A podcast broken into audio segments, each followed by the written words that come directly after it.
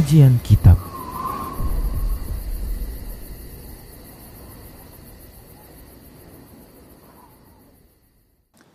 Bismillah. Assalamualaikum warahmatullahi wabarakatuh. Innalhamdalillah Nahmaduhu wa nasta'inuhu wa nastaghfiruh Wa na'udhu billahi min syururi anfusina wa min sayyiati a'malina. من يهده الله فلا مضل له ومن يضلله فلا هادي له. وأشهد أن لا إله إلا الله وحده لا شريك له وأشهد أن محمدا عبده ورسوله صلى الله عليه وسلم. قال الله تبارك وتعالى يا أيها الذين آمنوا اتقوا الله حق تقاته ولا تموتن إلا وأنتم مسلمون يا أيها الناس اتقوا ربكم الذي خلقكم من نفس واحدة وخلق منها زوجها وبس منهما رجالا كثيرا ونساء واتقوا الله الذي تساءلون به والأرحام إن الله كان عليكم رقيباً يا أيها الذين آمنوا اتقوا الله وقولوا قولا سديدا يصلح لكم أعمالكم ويغفر لكم ذنوبكم ومن يطع الله ورسوله فقد فاز فوزا عظيما أما بعد فإن أصدق الحديث كتاب الله وخير الهدى هدى رسول الله صلى الله عليه وسلم وشر الأمور محدثاتها وكل محدثة bid'ah wa kulla bid'atin dalalah wa kulla dalalatin finnar Para pemirsa Rosyad TV dan para pendengar Radio Medan Mengaji di mana saja Anda berada rahimani wa rahimakumullah. Alhamdulillah kita bersyukur kepada Allah Subhanahu wa taala atas semua kenikmatan dan kebaikan yang telah Allah berikan kepada kita.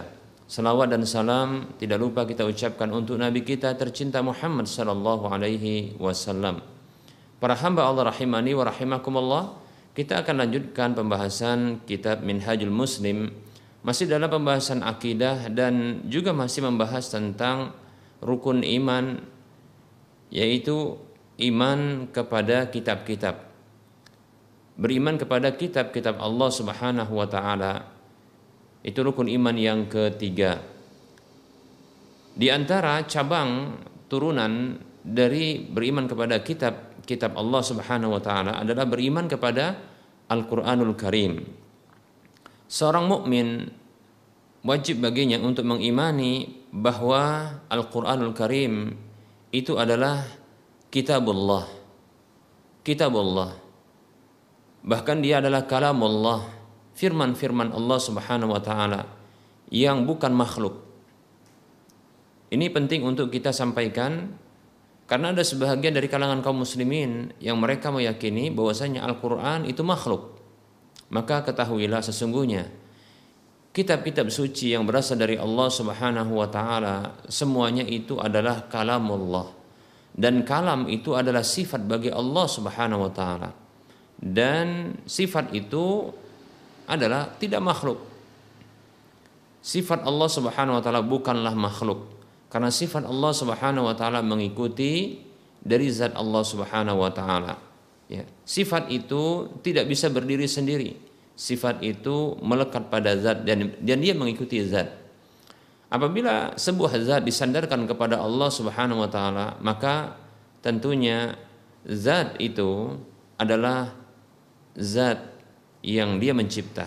Tentunya adalah dialah Allah Subhanahu wa taala yang memiliki zat yang dia adalah pencipta. Nah, karena kita mengetahui bahwasanya zat Allah Subhanahu wa taala tidak dicipta bahkan dia sang pencipta, maka ketahuilah sifat-sifat sifat-sifat Allah Subhanahu wa taala yang ada pada zat tersebut itu juga bukanlah makhluk, bukanlah sesuatu yang dicipta. Demikian para hamba Allah rahimani warahmatullah. Nah ini satu yang logis karena tidak ada satu sifat yang berdiri sendiri. Tidak ada satu sifat pun yang berdiri sendiri. Seperti kita katakan adalah sifat baik, ya, sifat jujur, ya. Begitu juga sifat-sifat ya yang berupa karakter maupun dia merupakan ya sifat-sifat yang berfisik. Para hamba Allah rahimani warahmatullah tidak ada satupun sifat-sifat ini yang berdiri sendiri. Namun sifat ini melekat pada zatnya demikian. Nah apabila sifat itu disandarkan kepada Allah subhanahu wa ta'ala yang dia adalah pencipta dan dia bukanlah makhluk maka ketahuilah bahwasanya sifat-sifat Allah subhanahu wa ta'ala bukanlah makhluk ya kata para ulama dalam kaidah yang masyhur at-tabi'u yatba'u wattabi'u la yufradu bil hukmi. Sesuatu yang mengikut maka dihukumi mengikut. Ya sesuatu yang mengikut tidak dipisahkan hukumnya secara menyendiri. Demikian. Sifat itu mengikuti zat. Ya dia tidak bisa berdiri sendiri. Maka ketika itu dia dihukumi seperti zatnya. Nah sebagaimana zat Allah Subhanahu wa taala itu adalah bukan makhluk tidaklah dicipta. Maka tentunya sifat Allah Subhanahu wa taala adalah tidak dicipta pula. Bukanlah makhluk yang dicipta.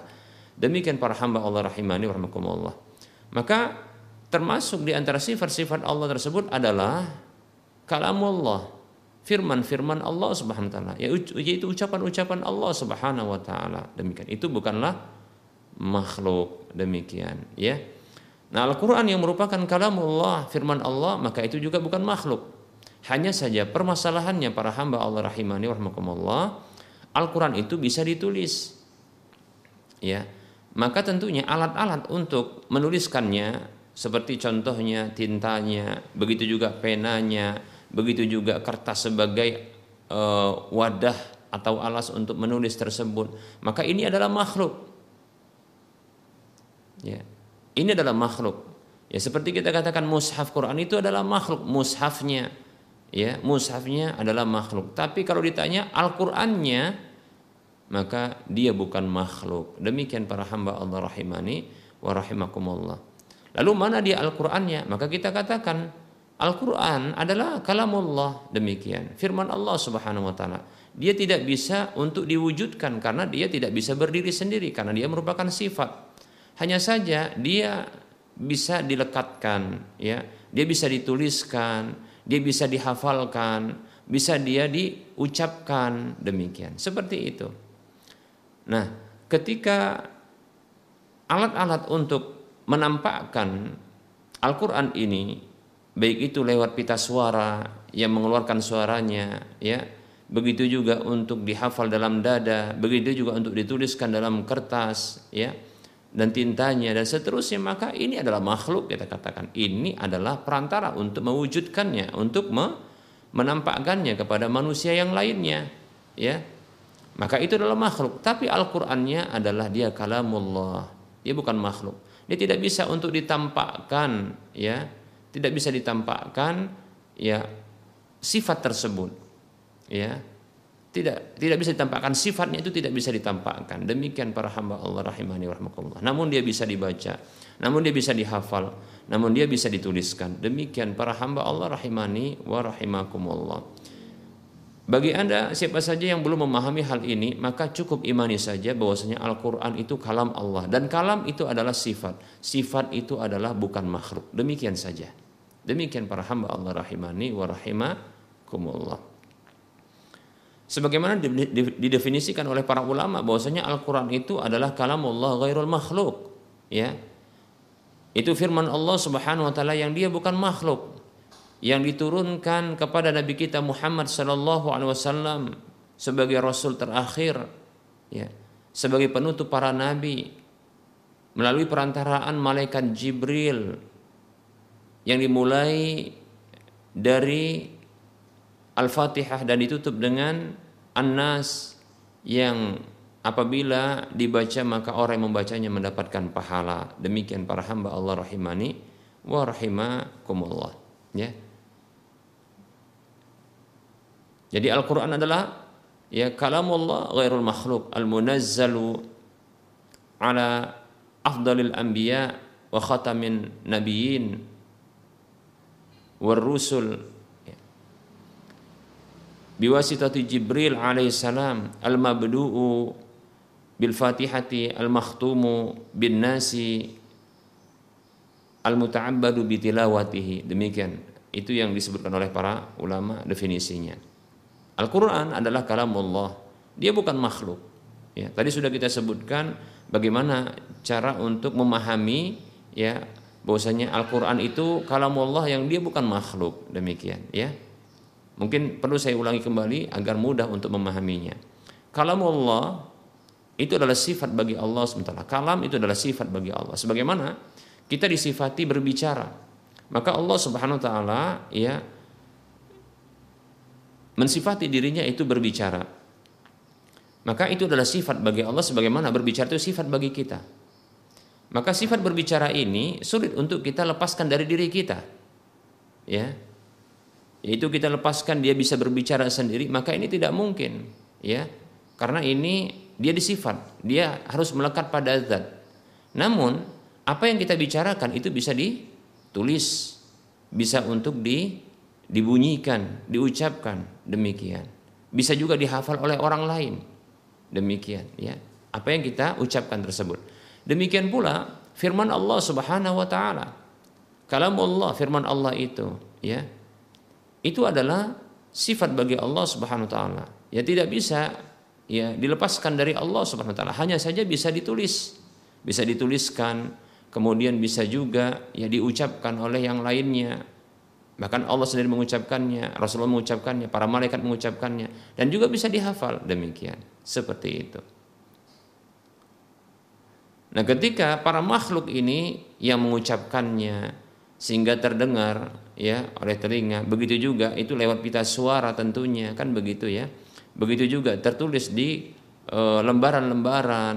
Dan itu adalah tentunya uh, semuanya dibuat ya. Dihafal di dalam dada. Maka ini para hamba Allah rahimani adalah perantaranya ya. Sarananya untuk me menampakkannya. Ini adalah makhluk. Tapi firman Allahnya itu adalah bukan makhluk ya karena dia adalah sifat bagi Allah sebagaimana kita ya disifati dengan berbicara Allah pun disifati dengan berbicara karena dia sendiri yang mensifati dirinya berbicara demikian baik ya Nah Al-Quran itu adalah kalam Allah. Firman-firman Allah. Maka bukan makhluk. Hanya saja yang tertulis, hanya saja yang dihafal, hanya saja yang dibacakan. Nah, maka alat-alat untuk menampakkan ini, media untuk menampakkannya ini, ya maka ini bukan makhluk. Maaf, ini adalah makhluk. Adapun ya kita ulangi, media untuk menampakkan dan mewujudkan maksudnya menampakkan agar bisa diketahui oleh manusia yang lainnya. Maka ini adalah makhluk. Hanya saja kalamullahnya ya Al-Qur'an yang merupakan kalamullah itu itu bukan makhluk. Nah, seperti itu, ya. Mengapa? Karena adalah sifat. Dia adalah sifat dan sifat itu mengikuti zat. Sifat itu mengikuti zat. Sebagaimana zat Allah tidak dicipta, bukan makhluk, demikian pula ya sifat-sifat Allah. Sebagaimana zat Allah bukan makhluk, maka sifat-sifat yang mengikuti zat tersebut juga bukan makhluk. Demikian. Nah, seperti itu. Maka semua sifat-sifat Allah bukan makhluk. Begitu. Ya. Baik para hamba Allah rahimani. Al-Qur'an adalah kalam Allah bukan makhluk yang diturunkan kepada Nabi kita Muhammad sallallahu alaihi wasallam. Ya. Yang melalui perantaraan Jibril alaihissalam sebagai ya Eh, malaikat yang membawa wahyu. Dan Al-Quran ini diturunkan kepada Nabi kita Muhammad SAW sebagai Nabi dan Rasul yang paling afdal ya. Nabi dan paling uh, Nabi dan Rasul yang terakhir yang menutup seluruh para Nabi. Demikian yang dimulai Al-Quran itu dari Al-Fatihah dan diakhiri dengan An-Nas dan di tulis sebagai ibadah orang yang membaca Al-Quran tersebut. Demikian para hamba Allah rahimani wa rahimakumullah.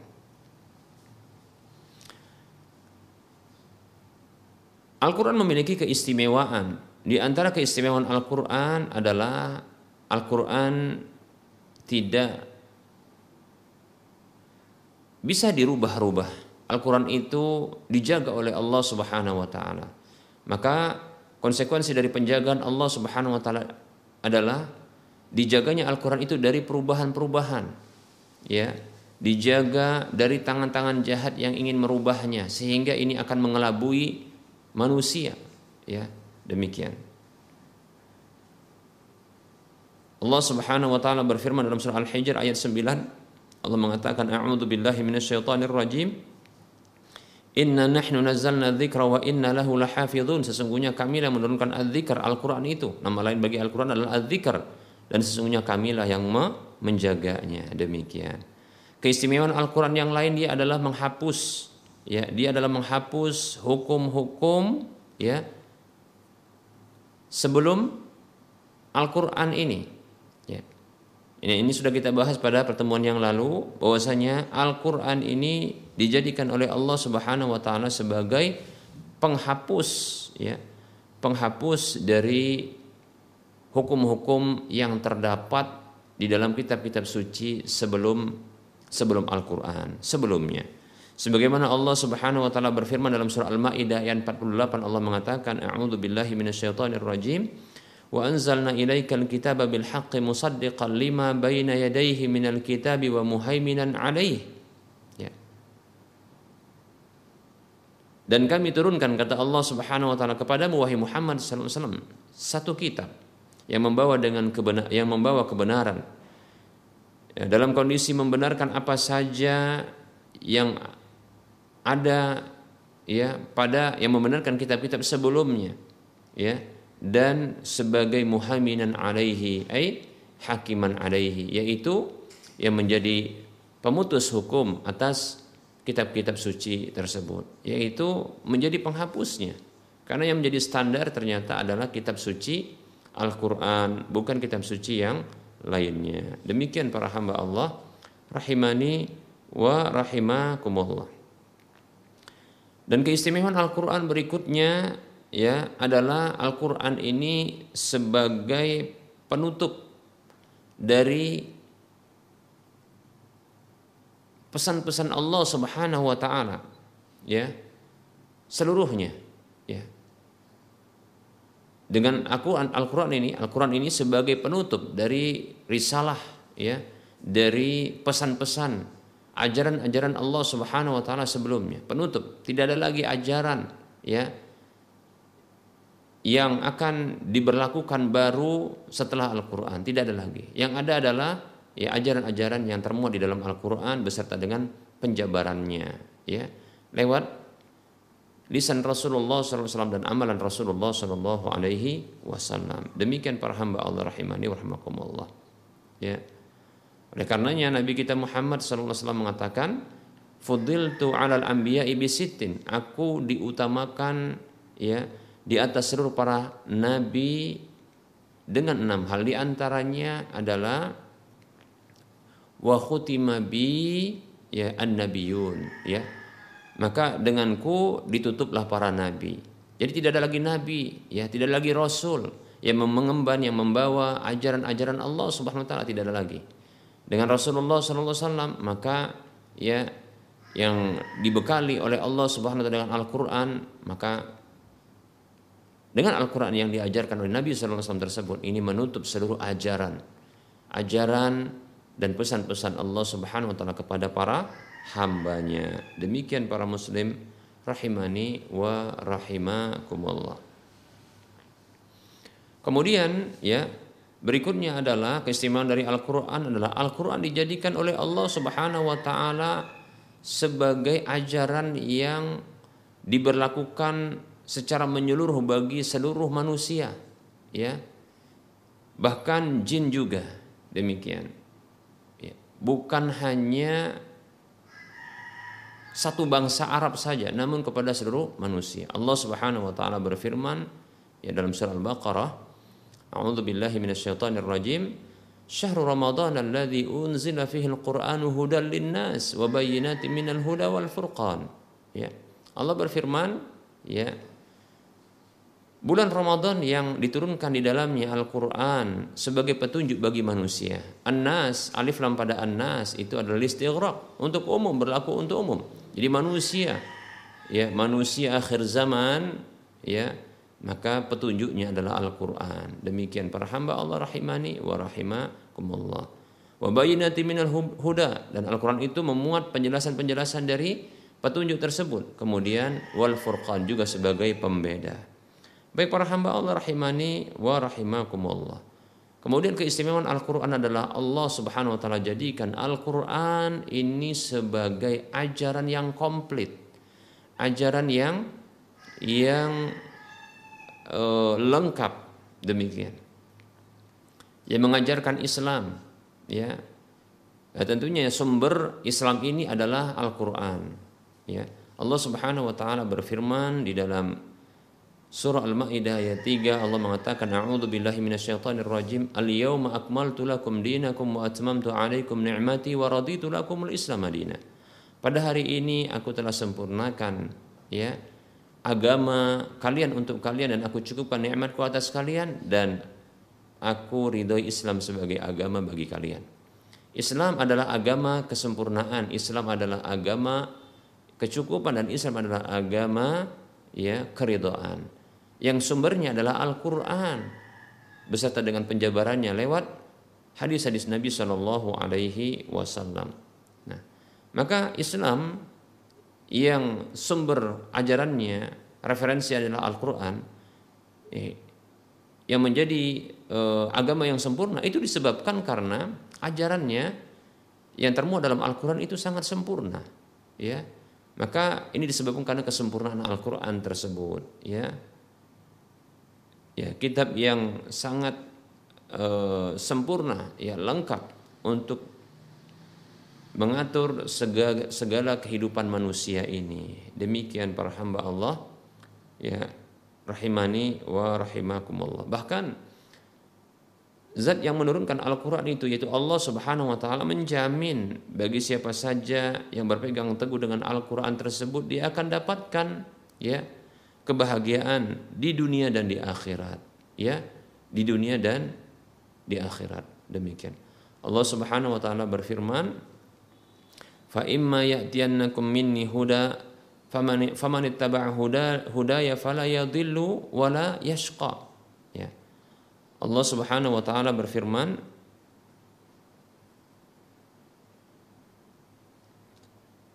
di dalam surah Toha Ayat 123 Allah mengatakan, A'udzu billahi minasyaitonir rajim fa imma ya'tiyannakum minni huda faman ittaba'a hudaya fala yadhillu wa yashqa.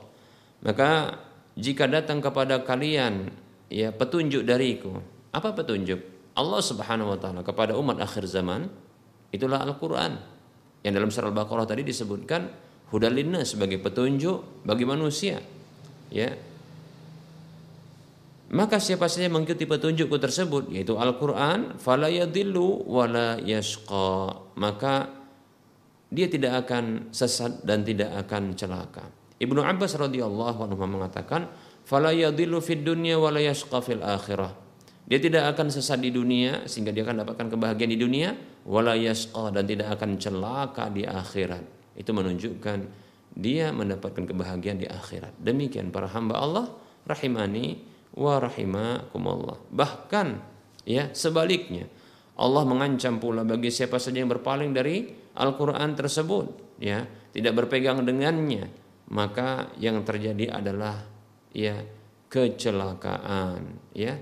Kecelakaan di dunia dan di akhirat. Tentunya itu yang bisa kita pahami dari firman Allah tersebut. Demikian. Maka Nabi kita Muhammad sallallahu alaihi wasallam bersabda ya Nabi kita Muhammad sallallahu alaihi wasallam beliau bersabda dalam hadisnya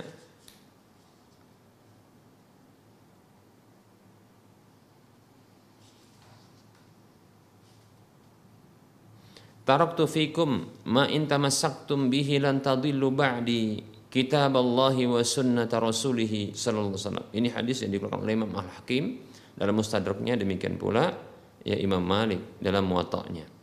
Kata Nabi SAW, aku tinggalkan di tengah-tengah kalian sesuatu yang apabila kalian berpegang teguh dengannya kalian tidak akan celaka selamanya. Apa itu? Kitab Allah Al-Quran dan penjelas penjabarnya yaitu apa? Sunnah petunjuk Rasulullah itu hadis-hadis Nabi Wasallam. Demikian para hamba Allah rahimani wa rahimakumullah. Ya. Baik, nah oleh karenanya ya wajib bagi kita untuk mengimani ya Al-Quran ini. Baik para muslim rahimani warahmatullah barangkali ini materi yang bisa kita sampaikan. Berikutnya kita akan masuki sesi soal jawab. Ya.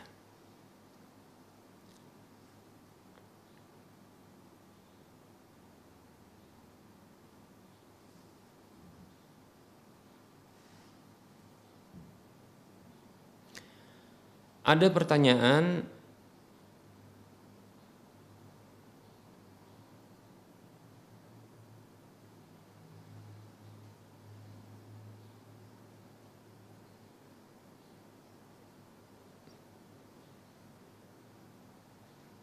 Assalamualaikum warahmatullahi wabarakatuh Ustadz Saya Yusri di Sulawesi Selatan. Pertanyaan saya Ustadz Saya ketinggalan sholat sunnah qabliyah Sholat duhur empat rakaat Bolehkah saya melakukannya setelah sholat sunnah ba'diyah Duhur empat rakaat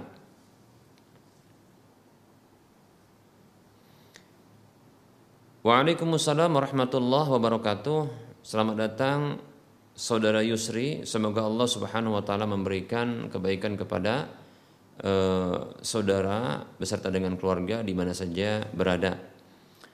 Baik, uh, tertinggal melakukan sholat sunat ya. Maka tentunya karena ada sebabnya maka menurut pendapat yang tepat adalah boleh untuk dikodok boleh untuk dikodok ya. Itu mengganti pelaksanaan sholat sunat yang tertinggal itu di waktu yang lainnya. Demikian. Berdasarkan beberapa hadis Nabi Shallallahu Alaihi Wasallam di antaranya adalah Nabi Shallallahu Alaihi Wasallam sendiri yang pernah melakukan ya kodok yaitu mengganti sholat sunat ba'diyah zuhur itu setelah asar.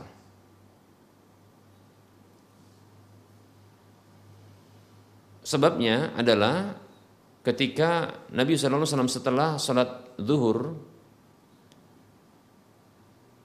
ada delegasi tamu ya yang berasal dari satu kabilah. Kalau tidak salah ya e, kabilah dari Abdul Manaf atau yang lainnya. Saya lupa ya.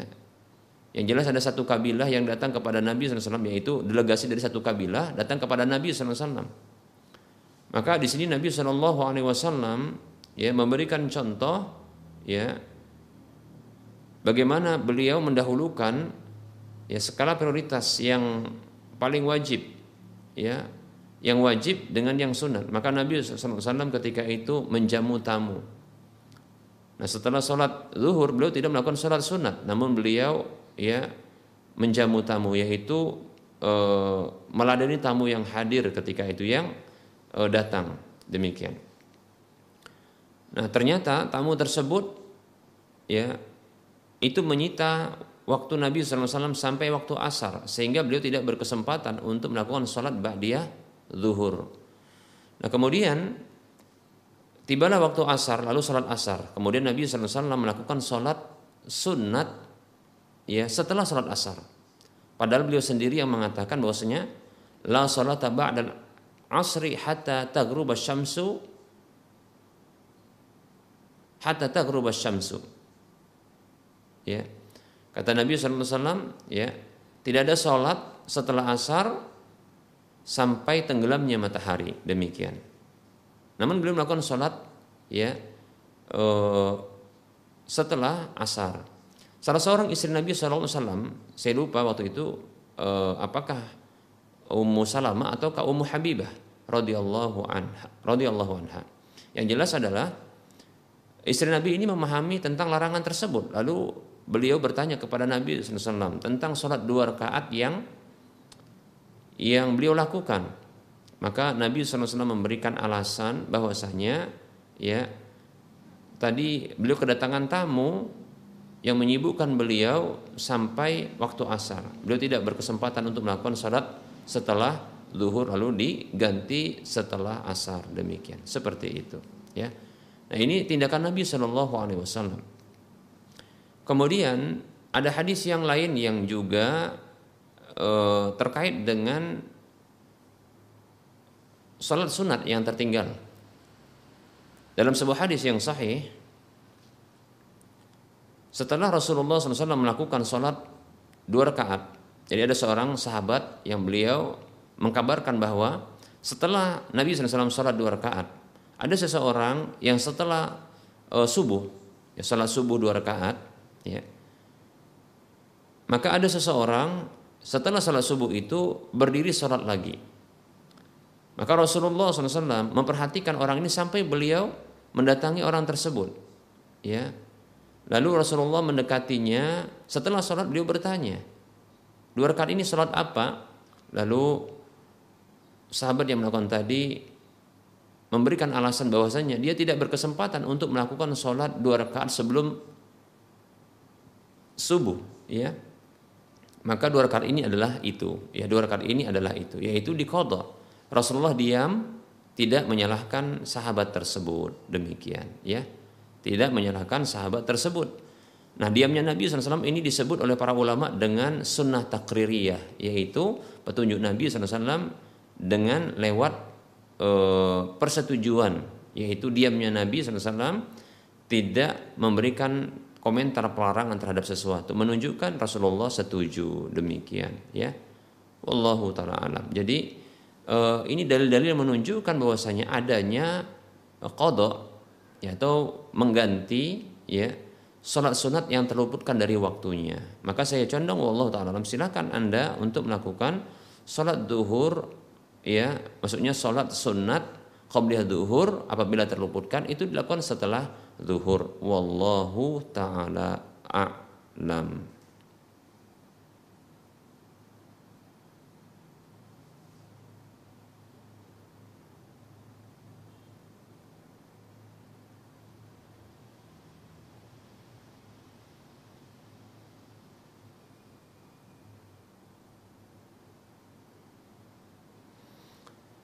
Ada pertanyaan, Assalamualaikum warahmatullahi wabarakatuh.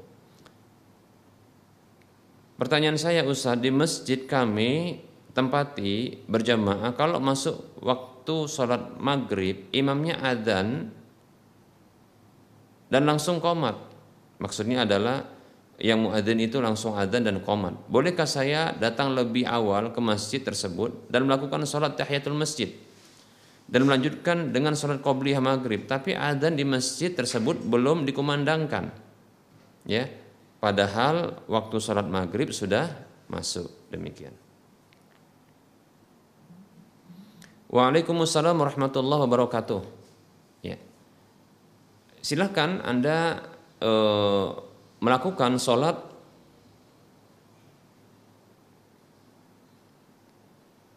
tahiyatul masjid ketika memasuki masjid ya. Begitu juga silakan melakukan sholat uh, qobliyah uh, subuh uh, maaf qobliyah uh, maghrib ya. Apabila telah masuk waktu maghrib ya. Demikian silahkan lebih-lebih ternyata di masjid yang lain telah melakukan ya uh, adzan demikian ya. Jadi sesungguhnya ya salat salat sunat ya salat sunat qobliyah itu tidaklah berkaitan dengan adzan. Ya salat sunat qobliyah itu tidaklah berkaitan dengan adzan. Demikian ya. Walaupun kita katakan ada salat sunat di antara adzan dan iqamat ada. Kata Nabi SAW baina kulli adzanaini salatun. Di antara dua adzan itu ada salat. Maksudnya dua adzan adalah adzan yang pertama kemudian yang kedua adalah komatnya demikian seperti itu. Ada sholat di sana. Namun untuk sebelum sholat maghrib ya itu ada sholat ya walaupun tanpa ada adzan demikian ya asalkan telah masuk waktu maghribnya kata Nabi SAW Sallu qabla maghribi Sallu qabla maghribi Sallu qabla maghribi Rasulullah mengucapkan tiga kali Salatlah sebelum maghrib Salatlah sebelum maghrib Salat sebelum maghrib Maksudnya Salat sunatlah sebelum salat fardu maghrib yang sudah masuk waktu. Liman sya'a kata Nabi, bagi yang mau. Demikian. Silahkan. Jadi kalau sudah masuk waktu maghrib, ya, walaupun tidak ada azan, maka ya silahkan melakukan sholat sunat sebelum maghrib. Demikian. Ya, sebelum sholat fardu maghrib dibolehkan. Ya. Nah demikian pula bagi eh, bagi eh, kaum wanita yang mereka memilih ya keutamaan untuk sholat di rumah. Nah tentunya mereka sendiri kan tidak ada adzan, mereka tidak ada adzan, ya. Kalau kan jarang mereka ini adzan, ya. Maka mereka boleh untuk melakukan sholat sunat qobliyah maghrib, walaupun mereka sendiri tidak adzan, demikian seperti itu, ya. Maka ini berlaku juga bagi siapa saja yang seperti anda, ya sang penanya ini silahkan untuk melakukan sholat ya qobliyah maghrib walaupun ya belum adzan padahal sudah masuk waktunya dengan tenggelam matahari sudah masuk waktunya namun belum adzan karena mungkin terlambatnya muadzin untuk adzan silakan untuk melakukan sholat sunat qobliyah demikian karena sunat, sholat sunat qobliyah itu tidak terkait dengan tidak terkait dengan uh, azan, tapi terkait dengan masuknya waktu. Wallahu taala a'lam.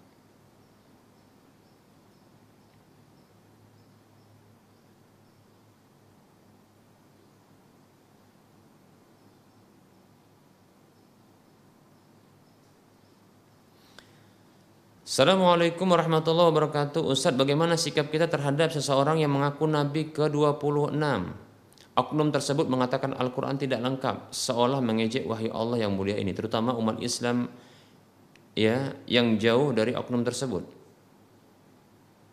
Baik.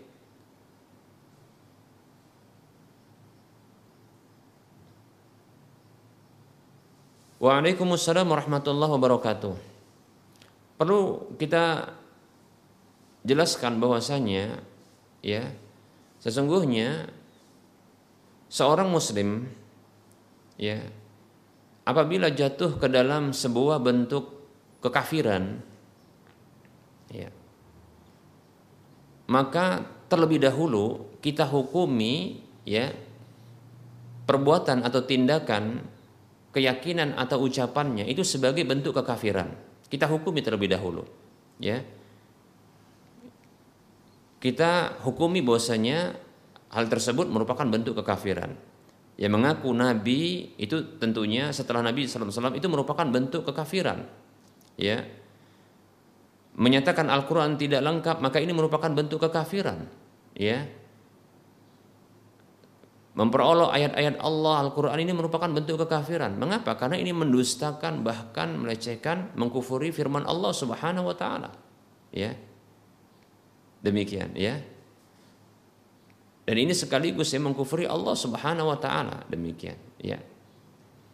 Nah, ini kita harus hukumi terlebih dahulu adalah tindakannya, perbuatannya, ya, keyakinannya atau perkataannya. Demikian seperti itu. Nah, adapun kepada orang-orangnya, individunya, maka jangan terlebih dahulu kita mengkafirkannya melainkan setelah kita menegakkan hujah atau bisa kita sampaikan ya kita laporkan hal ini kepada pihak yang berwenang. Dalam hal ini adalah pihak MUI, yaitu ulama-ulama Majelis Ulama Indonesia. Yang mereka nanti akan mengurusi orang-orang seperti ini. Karena ini sebagai bentuk pelecehan terhadap Islam dan umat Islam. Ya. Maka serahkan ini urusannya kepada pihak yang berwenang. Pertama adalah pihak MUI agar memberikan nasihat. Ya, memberikan hujah, menegakkan hujah kepadanya dan menghilangkan syubhatnya Demikian. Bisa jadi itu disebabkan karena ketidaktahuannya atau dikarenakan adanya syubhat yang bercokol di kepalanya ya dan di hatinya di benaknya demikian maka butuhnya orang alim ya seorang ulama yang menjelaskan ini kepadanya ya. Demikian. Laporkan saja kepada e, pihak yang berwenang agar nanti pihak yang berwenang ini akan mengurusi. Nah tentunya ya ditegakkan hujah kepadanya. Ya dia mengaku nabi setelah Nabi Muhammad SAW ini maka mengkufuri firman Allah Subhanahu wa taala surah Al-Ahzab 40. Allah mengatakan a'udzu billahi minasyaitonir rajim. Ma kana Muhammadun aba ahadin min rijalikum walakin Rasulullah wa khataman nabiyyin. Bukanlah Muhammad sallallahu wasallam itu adalah bapak salah seorang laki-laki di antara kalian akan tapi dia adalah Rasulullah dan penutup para nabi. Nah, ketika pintu kenabian telah ditutup, maka tidak ada lagi ya nabi-nabi setelah beliau SAW demikian. Tidak ada lagi nabi dan rasul setelah beliau. Demikian. Dan Rasul mengatakan ya bahwa khutima bi an-nabiyun. Ya dan ditutuplah denganku ya para nabi seluruhnya. Maka tidak lagi nabi setelah beliau sallallahu alaihi wasallam demikian ya. Nah, kalau ya mengatakan Al-Qur'an tidak lengkap maka sungguh ini telah mendustakan firman Allah Subhanahu wa taala surah Al-Hijr ayat 9. Allah mengatakan a'udzubillahi minasyaitonir rajim ya nahnu uh, inna nahnu nazzalna dzikra wa inna lahu lahafizun ya inna nahnu nazzalna dzikra wa inna lahu lahafizun kata Allah sementara sesungguhnya kami yang telah menurunkan adzikr itu yaitu Al-Qur'an. Dan sesungguhnya kami yang menjaganya. Ya. Allah sementara telah menyempurnakan Al-Qur'an karena telah menyempurnakan Islam. Ya. Allah mengatakan dalam surah Al-Maidah ayat 3 al-yauma akmaltu lakum dinakum wa atmamtu alaikum ni'mati wa raditu islam madinah pada hari ini aku telah sempurnakan agama kalian untuk kalian dan mencukupkan nikmatku atas kalian dan aku ridho Islam sebagai agama bagi kalian. Islam adalah agama kesempurnaan. Itu disebabkan karena kesempurnaan kitab sucinya Al-Qur'an dan dijaga dari ya kekurangan-kekurangan demikian. Seperti itu. Maka ini tentunya e, mengkufuri ayat-ayat yang kita sebutkan ini.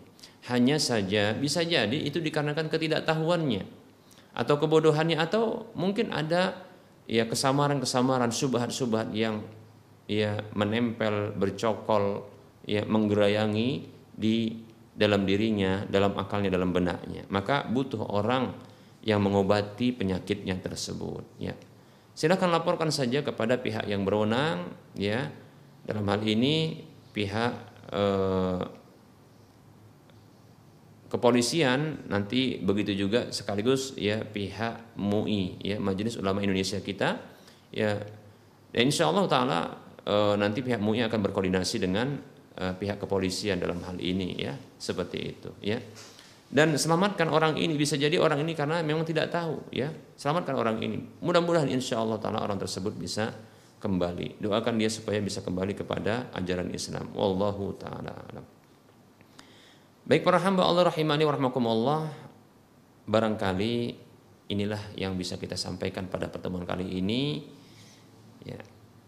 Ini e, karena ada kegiatan yang akan saya lakukan maka kita cukupkan terlebih dahulu kita ya tutup kajian kita ini e, tentunya dalam penyampaian di dalam penjelasan ini terdapat kekurangan dan kesalahan Nah kepada Allah Subhanahu wa taala saya mohon ampun dan kepada para pemirsa serta para pendengar sekalian saya mohon maaf.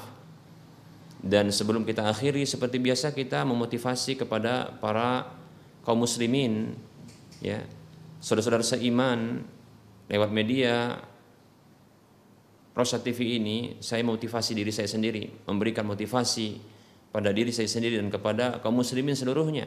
Mari kita berdonasi, ya mengeluarkan sebagian harta kita yang telah Allah titipkan kepada kita.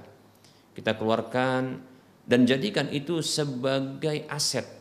Sebagaimana kita bersemangat untuk memiliki aset-aset dunia maka bersemangatlah kita untuk memiliki aset-aset akhirat lebih-lebih di bulan Ramadan ini kita mulai di bulan Ramadan ini kita perbanyak di bulan Ramadan ini. Ini adalah bulan investasi aset akhirat kita ya. Arahkan harta Anda untuk membebaskan lahan yang nantinya akan dibangun di atas lahan ini Masjid Al-Muwahhidin yang akan dilakukan, diadakan, diselenggarakan dalam masjid ini. Kegiatan-kegiatan keagamaan seperti sholat, sholat fardu maupun yang sunnat, bacaan Al-Quran, kemudian kajian-kajian ilmiah yang menghantarkan, menjelaskan tentang sunnah ini, mengajarkan kepada manusia ya tauhid, ya sunnah dan seterusnya, ya Demikian pula kegiatan-kegiatan sosial yang lainnya akan dia diadakan demikian.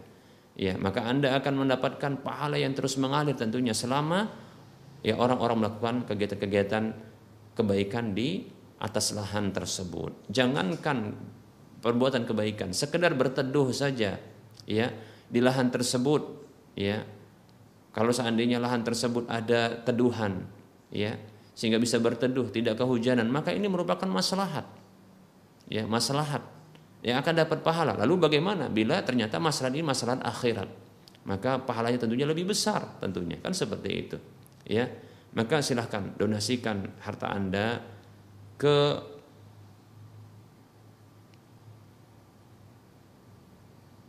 ke peluang yang besar ini ya untuk membebaskan lahan yang nantinya akan dibangun Masjid Al Muwahhidin untuk wilayah Medan dan sekitarnya. Silakan salurkan donasi Anda ke Bank Syariah Mandiri atau Bank Syariah Indonesia di nomor 7127485455 atas nama Yayasan Lajnah Dakwah Medan kode bank 451. Insya Allah Ta'ala di layar kaca Anda itu ada tulisan yang berjalan. Silakan Anda lihat di sana. Saya ulangi lagi, silakan salurkan donasi Anda ke Bank Syariah Mandiri atau Bank Syariah Indonesia di nomor 71274855555 atas nama Yayasan Lajnah Dakwah Medan kode bank 451. Semoga Anda termotivasi dan semoga bermanfaat. Mohon maaf atas segala kekurangan dan kesalahan. Wassallallahu ala Muhammad wa ala alihi wa ashabihi ajma'in. Subhanakallahumma wa bihamdika asyhadu an la ilaha illa anta astaghfiruka wa atubu ilaika walhamdulillahi rabbil alamin. Wassalamualaikum warahmatullahi wabarakatuh.